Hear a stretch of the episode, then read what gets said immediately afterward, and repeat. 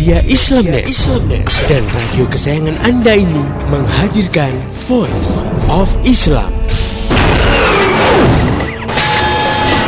Ada di antara kita yang berpikir ah, kalau awalnya rezeki kita sedikit nanti jadi berubah jadi banyak. Iya. Kalau awalnya jodoh kita itu yang itu nanti jadi yang ini siapa tahu yang lebih baik misalnya ya. Iya. Yaitu sebenarnya adalah satu ilmu yang kita tidak sanggup untuk memikirkannya. Yang penting adalah doa itu bagian dari kewajiban seorang hamba. Itu yang penting. Jadi kita harus selalu berdoa. Hmm. Jadi Allah Subhanahu wa taala memerintahkan kita untuk selalu berdoa ya. Dan Allah berfirman ya, "Berdoalah kepadaku, niscaya kuperkenankan bagimu." Hmm. Sesungguhnya orang-orang yang menyombongkan diri dari ibadah kepadaku akan masuk neraka jahanam dalam keadaan hina.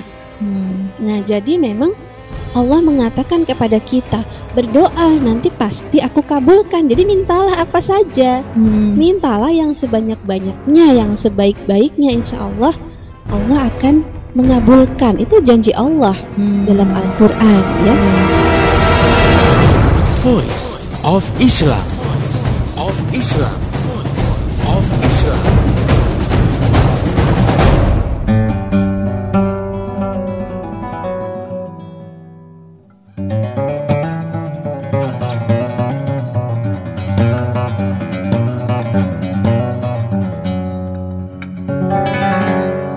Assalamualaikum warahmatullahi wabarakatuh Halo Indonesia, jumpa dengan saya Farid Abdurrahman dalam program siar Voice of Islam Kerja bareng media Islamnet dengan radio kesayangan Anda ini. Dan selama 30 menit ke depan, Voice of Islam akan mengisi ruang dengar Anda dalam rubrik Atibun Nabawi atau pengobatan ala Nabi. Dan Alhamdulillah di studio telah hadir pengas tetap untuk rubrik Atibun Nabawi Ustadz Munawir. Ya baik kita sapa dulu beliau ya Assalamualaikum Ustadz Waalaikumsalam warahmatullahi wabarakatuh. ya bagaimana nih kabarnya Ustadz hari ini Alhamdulillah sehat, baik. sehat ya Alhamdulillah. dan semoga juga para pendengar Budiman di rumah juga dalam keadaan sehat walafiat ya Baik pendengar yang budiman, pada kesempatan kali ini rubrik Atibun Nabawi akan mengangkat sebuah tema bertajuk Petunjuk Nabi dalam Makan dan Minum bagian kedua yang terkait hal tidak berlebihan dalam makan dan minum. Ya, baik untuk mengetahui eh, lebih jauh tentang pembahasan kita kali ini, langsung saja kita mulai obrolan kita bersama pengasuh rubrik kita Ustadz Munawir. Ya Ustadz, eh, bagaimana sih Ustadz kira-kira seharusnya kita makan dan minum itu Ustadz? Ya, baik. Eh, Bismillahirrahmanirrahim. Alhamdulillah rabbil alamin wassalatu wassalamu ala asyrafil mursalin wa ala alihi wa ashabihi ajmain amma ba'd. Ya, bagaimana seharusnya kita makan dan minum ya? Mm-mm. Ini sudah diatur oleh Allah Subhanahu wa taala di dalam Al-Qur'an surah Al-A'raf ayat yang ke-31. A'udzubillahi minasyaitonir rajim. Bismillahirrahmanirrahim. Wa kulu washrabu wa la tusrifu innahu la yuhibbul musrifin. Ya. Ayat yang agung ini menceritakan kepada kita bagaimana kita harus makan dan minum ya bagaimana kita harus makan dan minum. Hanya setengah ayat ini. Allah berfirman, "Makanlah dan minumlah, tetapi jangan berlebihan." Ya. Nah, jadi makanlah, minumlah, jangan berlebihan. Sesungguhnya Allah tidak menyukai yang berlebihan itu. Nah, tidak menyukai segala yang berlebihan itu ya. Sebagian ulama mengatakan bahwa sepotong ayat ini mencakup nilai semua kebaikan. Nah, karena ketika kita mulai makan, minum dengan tidak berlebihan, insya Allah akan terjaga kesehatan kita. Iya. Nah, jadi mencakup semua jenis pengobatan, nah, jenis kesehatan. Nah, jadi dulu Imam Ali radhiyallahu anhu pernah diledek oleh orang kafir Quraisy saat itu dengan mengatakan di dalam Islam itu tidak ada ilmu kesehatannya, Nah, kan? Maka Imam Ali radhiyallahu an atau karramallahu wajah mengatakan semua ilmu kesehatan yang kalian miliki itu hanya ada di setengah ayat dalam Al-Quran. Tidak perlu banyak gitu ya. Iya. Setengah ayat saja yang membahasnya. Hmm. Langsung Ali membacakan firman Allah tadi, "Wa kulu washrabu wa la tusrifu innahu la yuhibbul musrifin." Hmm. Makanlah dan minumlah tetapi jangan berlebihan. Dan ketahuilah bahwa sesungguhnya Allah tidak menyukai orang-orang yang berlebihan. Banyak sekali dalil uh, itu tadi dari Al-Qur'an ya. Banyak sekali dalil-dalil yang lain yang membahas tentang ini. Rasulullah Shallallahu alaihi wasallam bersabda, "Ma mal'a adamiyun wi'an syarran min batnihi hasbu ibni adam akalatun yuqnimna sulbah fa in kana fa'ilan la mahalatan fasulusun ta'amun wa sulusun syarabun wa sulusun li nafsihi Nah, hadis riwayat Imam At-Tirmizi. Ini menceritakan kita bahwa Rasulullah Shallallahu Alaihi Wasallam mengaturnya, ya, Hmm. mengaturnya bagaimana ha- seharusnya seseorang itu makan. Rasulullah Shallallahu Alaihi Wasallam bersabda, tiada suatu wadah pun yang dipenuhi oleh anak Adam yang lebih jahat daripada perutnya. Kenapa dikatakan itu lebih jahat? Karena wadah perut ini semakin dia banyak memakan makanan, semakin berbahaya bagi orang yang memakan. Hmm. Jadi makanya kenapa Nabi mengatakan wadah yang paling jahat yang selalu dipenuhi anak Adam itu adalah perutnya. Hmm. Dia selalu makan berlebihan, selalu senang dalam makan sehingga tadi bahwa eh, semakin banyak yang dia konsumsi makanan, semakin akan membahayakan diri orang tersebut. Nah, maka Nabi langsung mengatakannya cukuplah bagi anak Adam beberapa suap makanan untuk menegakkan tulang sulbinya. Nah, Iya. Beliau mengatakan hasmu hasbubni Adam akalatun yuknimna sulbah. Cukuplah bagi anak Adam itu sebenarnya beberapa suap makanan saja untuk menegakkan tulang sulbinya supaya dia tidak kelaparan. Hmm. Dan jika ia terpaksa melakukannya artinya jikalau dia ingin memenuhkan porsi makannya maka dia harus membaginya menjadi bagi tiga. Sepertiga untuk makanan, sepertiga untuk minuman dan sepertiga lagi untuk bernapas kata Hmm. Nabi kita tuh. Fa in kana fa'ilan lam halatan seandainya dia ingin memenuhi porsinya tidak ada masalah. Hmm. Fasulusun to'amun sepertiganya dikasih makanan, wasulusun syarabun sepertiganya minuman, wasulusun linafsihi dan sepertiganya untuk bernapas. Ya. Nah itulah petunjuk Nabi kita ya sehingga tidak berlebihan dalam mengkonsumsi makanan. Iya, jadi tidak berlebihan ya Ustaz ya. Nah, kalau misalkan berlebihan kira-kira apa nih Ustaz bahayanya Ustaz? Apa bahayanya? Bagaimana kalau berlebihan? Oh, Hmm. tentu sekali sangat banyak. Ya. Allah juga Subhanahu wa taala mengingatkan kita di dalam Al-Qur'an surah Abasa itu falyanzuril insanu ila ta'amih. Hendaklah manusia itu memperhatikan makanannya. Hmm. Jadi makanan ini tadi sangat berbahaya. Salah satu penyakit yang paling banyak diderita masyarakat saat ini adalah pertama darah tinggi ya. itu pasti pengaruh makanan-makanan yang tidak toyib dan berlebihan dalam mengkonsumsinya. Benar. Nah, terus yang kedua adalah gula darahnya tinggi, Hmm. Ah, kolesterolnya tinggi. Wah, udah pada ketakutan itu, Hmm, penyakit. udah ketakutan dia. Kenapa? Karena penyakit ini penyakit yang berbahaya Hmm. berbahaya ketika dia berkelanjutan, dia tidak mengecek kesehatannya dan ternyata dia terus makan dengan semaunya tanpa mengontrol apa yang harus dia makan, mana yang lebih baik, mana yang tidak baik. Artinya sebenarnya tidak ada pantangan. Makan makan aja yang penting jangan berlebihan. Ya. Tadi Hmm. jadi sekali lagi ketika seseorang berlebihan dalam makan, penyakit yang paling pertama banyak sekali penyakit yang akan dimunculkan ya.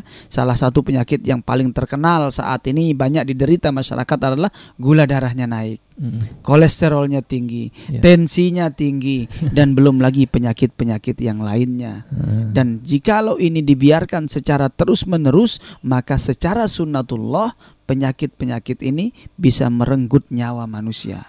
Iya. Nah, itu sangat sangat Berbahaya. berbahaya sekali gitu. Iya, Ustaz.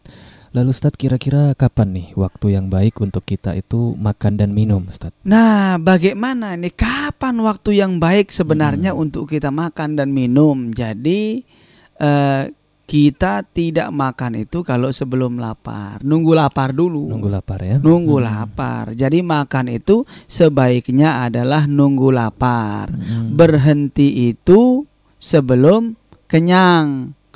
Ada pepatah, cuman pepatah ini salah. Pepatah ini mengatakan justru mengatakan makanlah sebelum lapar. Salah, lapar dulu baru makan lapar, gitu. ya. Ini salah.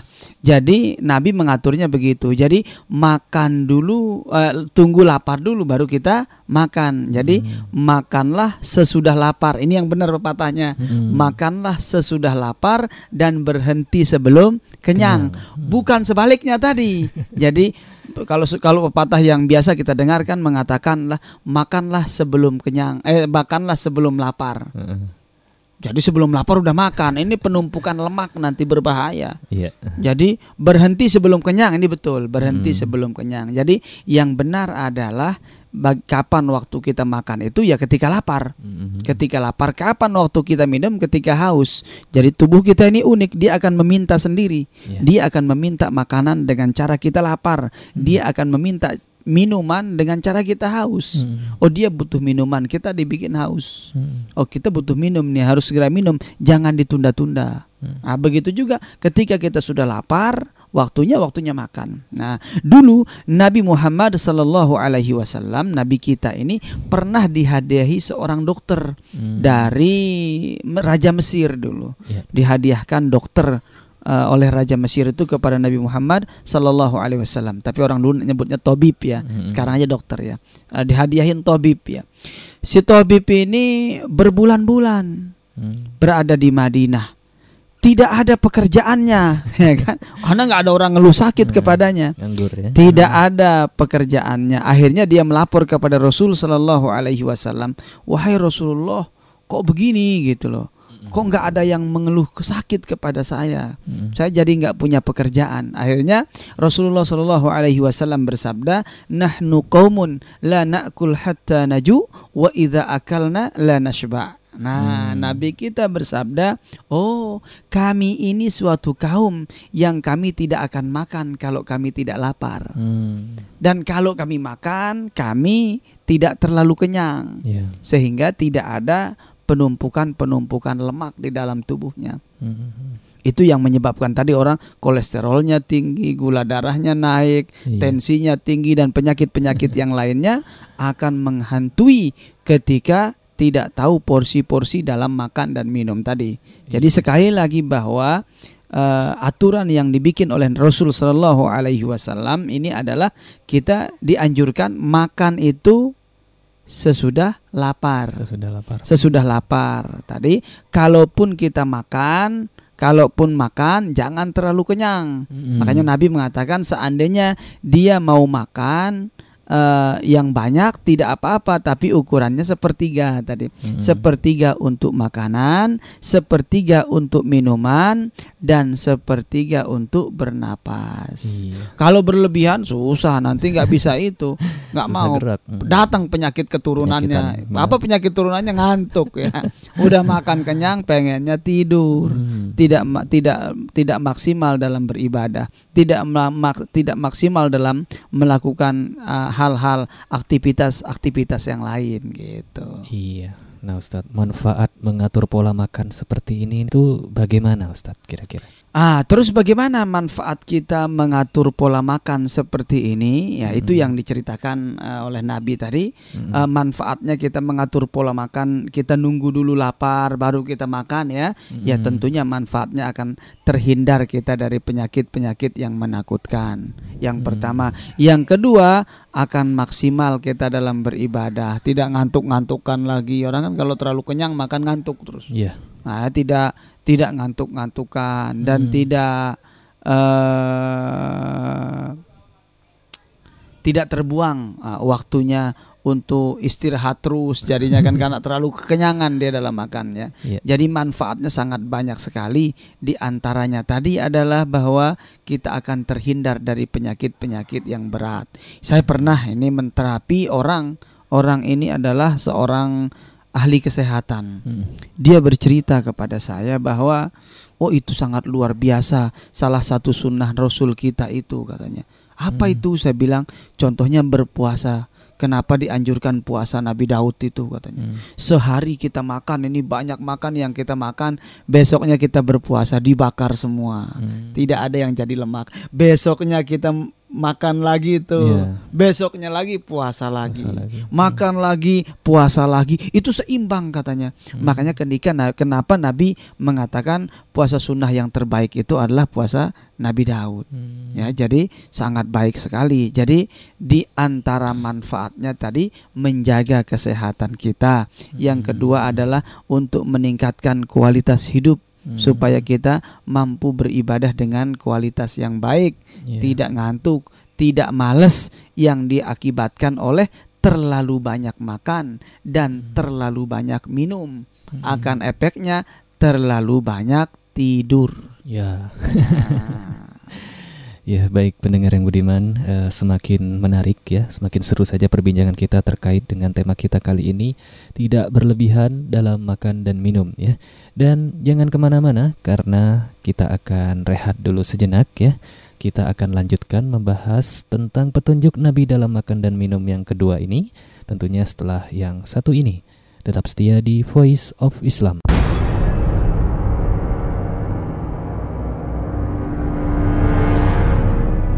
Ketika Zionis kangkangi dunia, kuasai nuklir hingga media, putar balik fakta dan logika yang mulia seolah hina.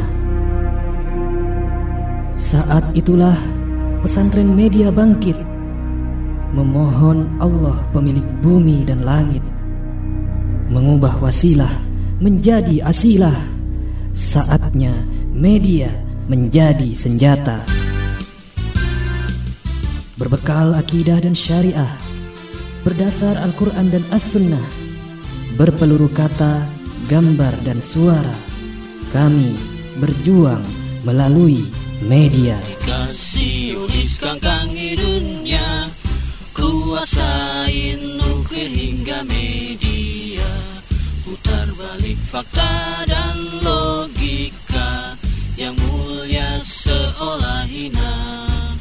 Saat itulah pesantren media bangkit Pesantren Media adalah sebuah lembaga pendidikan yang mencetak para remaja menjadi seorang muslim yang kokoh imannya, luas pengetahuan Islamnya, dan indah akhlaknya.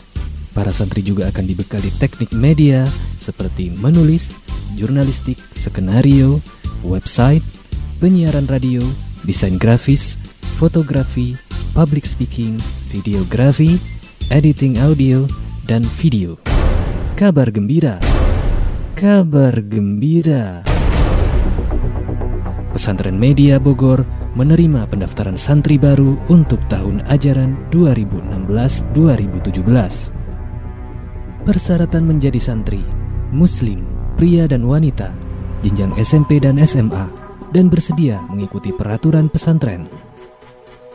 Formulir pendaftaran dan peraturan santri bisa didownload di www.pesantrenmedia.com dan www.mediaislamnet.com.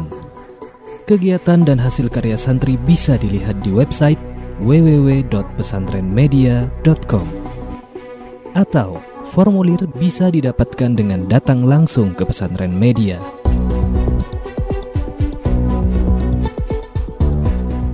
Pendaftaran gelombang pertama 1 Januari sampai dengan 31 Maret 2016.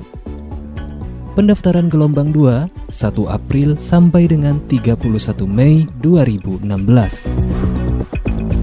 Berkas berisi formulir yang dilengkapi dengan foto diri dan fotokopi kartu keluarga dua lembar, fotokopi ijazah yang sudah dilegalisir dua lembar, serta tulisan hasil karya calon santri dengan tema alasan masuk ke pesantren media minimal satu halaman A4 dikirim ke pesantren media Komplek Laladon Permai, Jalan Seruni Blok E nomor 3, Ciomas, Bogor 16610. Informasi lebih lengkap bisa ditanyakan via email di info at pesantrenmedia.com.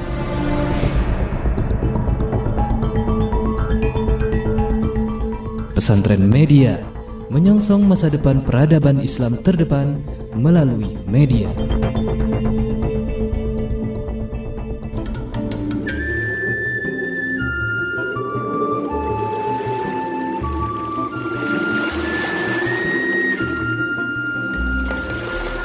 Abu Hurairah radhiyallahu anhu berkata, Rasulullah shallallahu alaihi wasallam bersabda, "Perbanyaklah oleh kalian mengingat-ingat sesuatu yang dapat melenyapkan segala macam kelezatan, yaitu kematian." Hadis riwayat Tirmizi disahihkan oleh Al-Albani.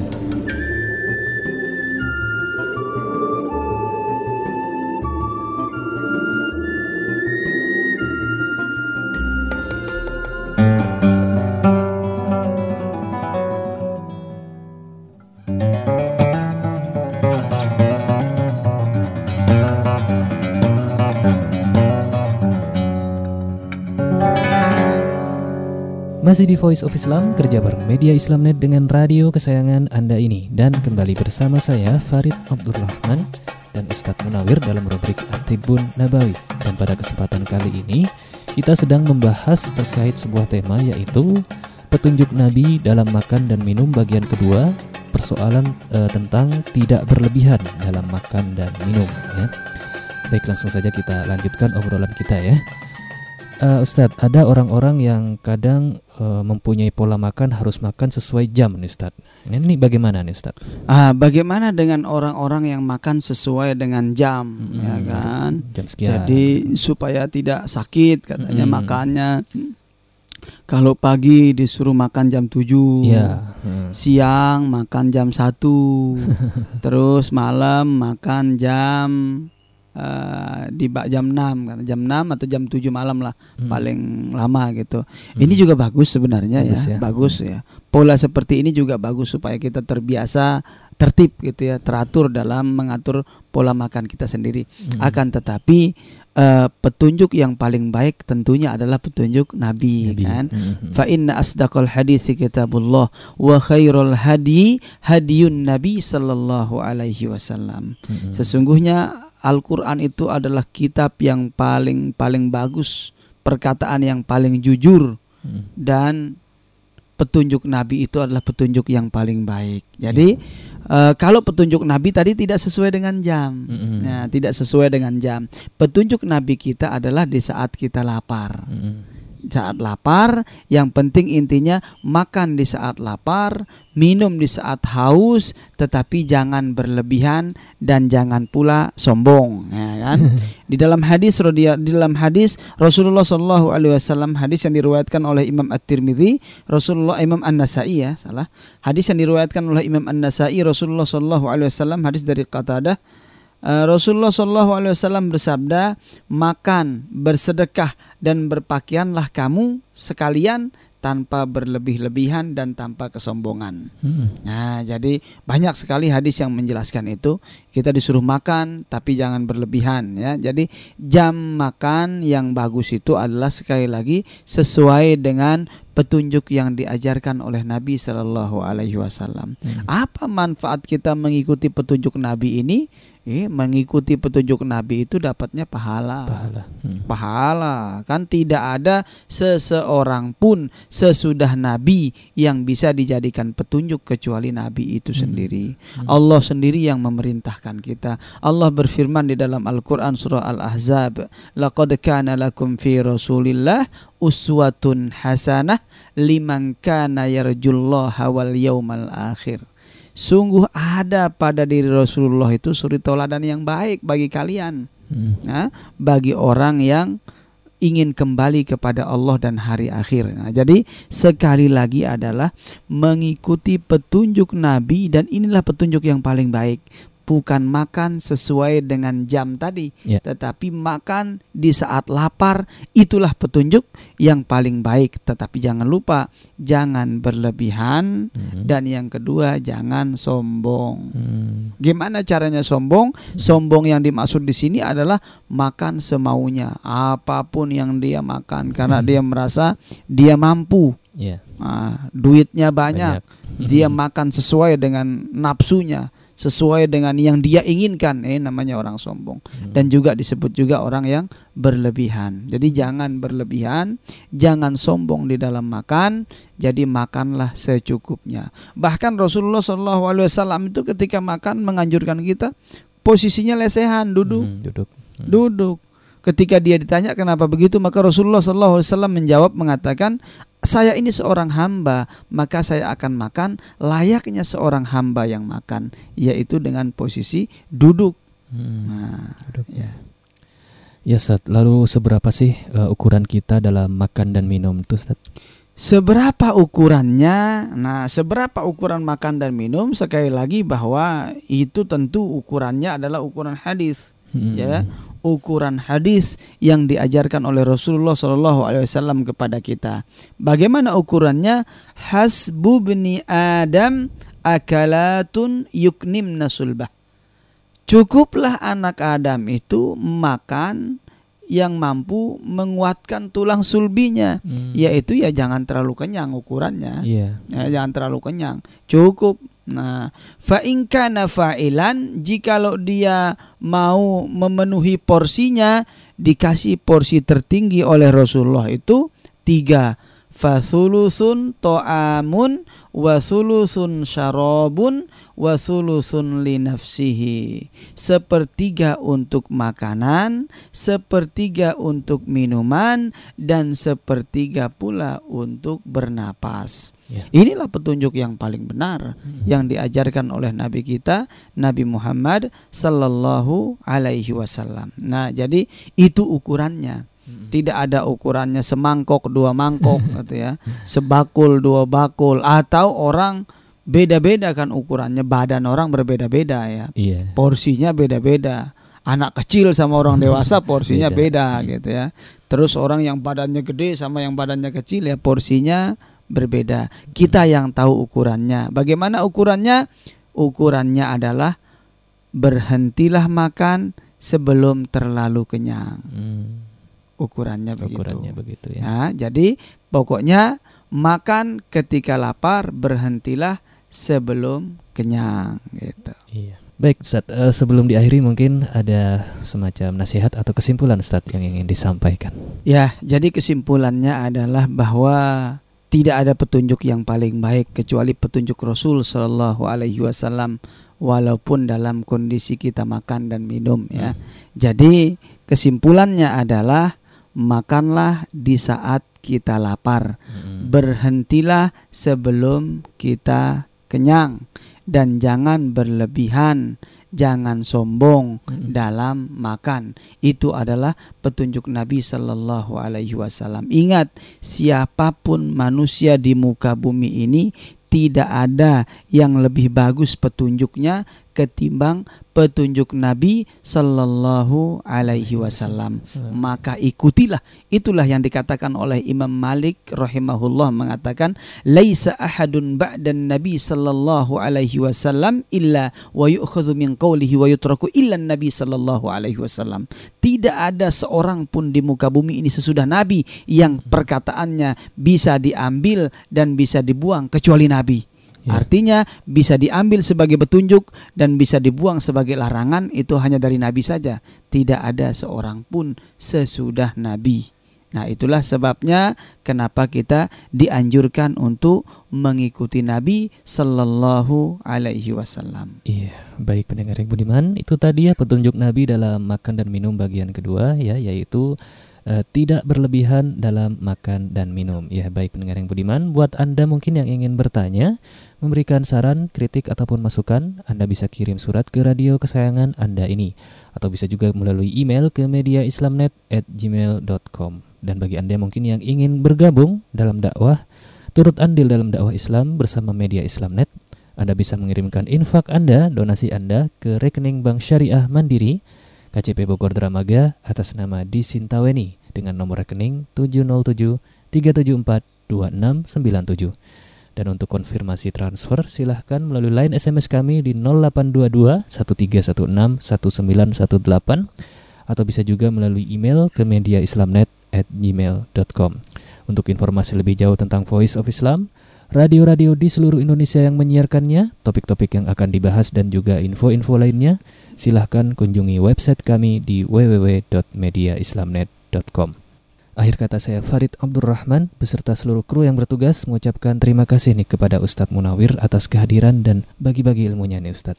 Ya, sama-sama. Mudah-mudahan bermanfaat bagi para pendengar di mana pun berada. Amin ya rabbal alamin. Dan terima kasih juga saya ucapkan buat para pendengar di rumah yang telah setia mendengarkan rubrik Atibun Nabawi ini dari awal hingga akhir.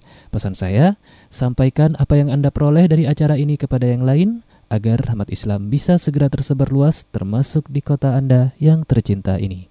Mari menimbang masalah dengan syariah. Wassalamualaikum warahmatullahi wabarakatuh. Demikian tadi Voice of Islam. Voice of Islam. Semoga hikmah yang terkandung bermanfaat untuk kita semua. Amin amin amin ya robbal alamin. Kembali bisa Anda dengarkan Voice of Islam. Voice of Islam menghadirkan topik-topik seputar kehidupan kita esok hari di waktu dan gelombang yang sama.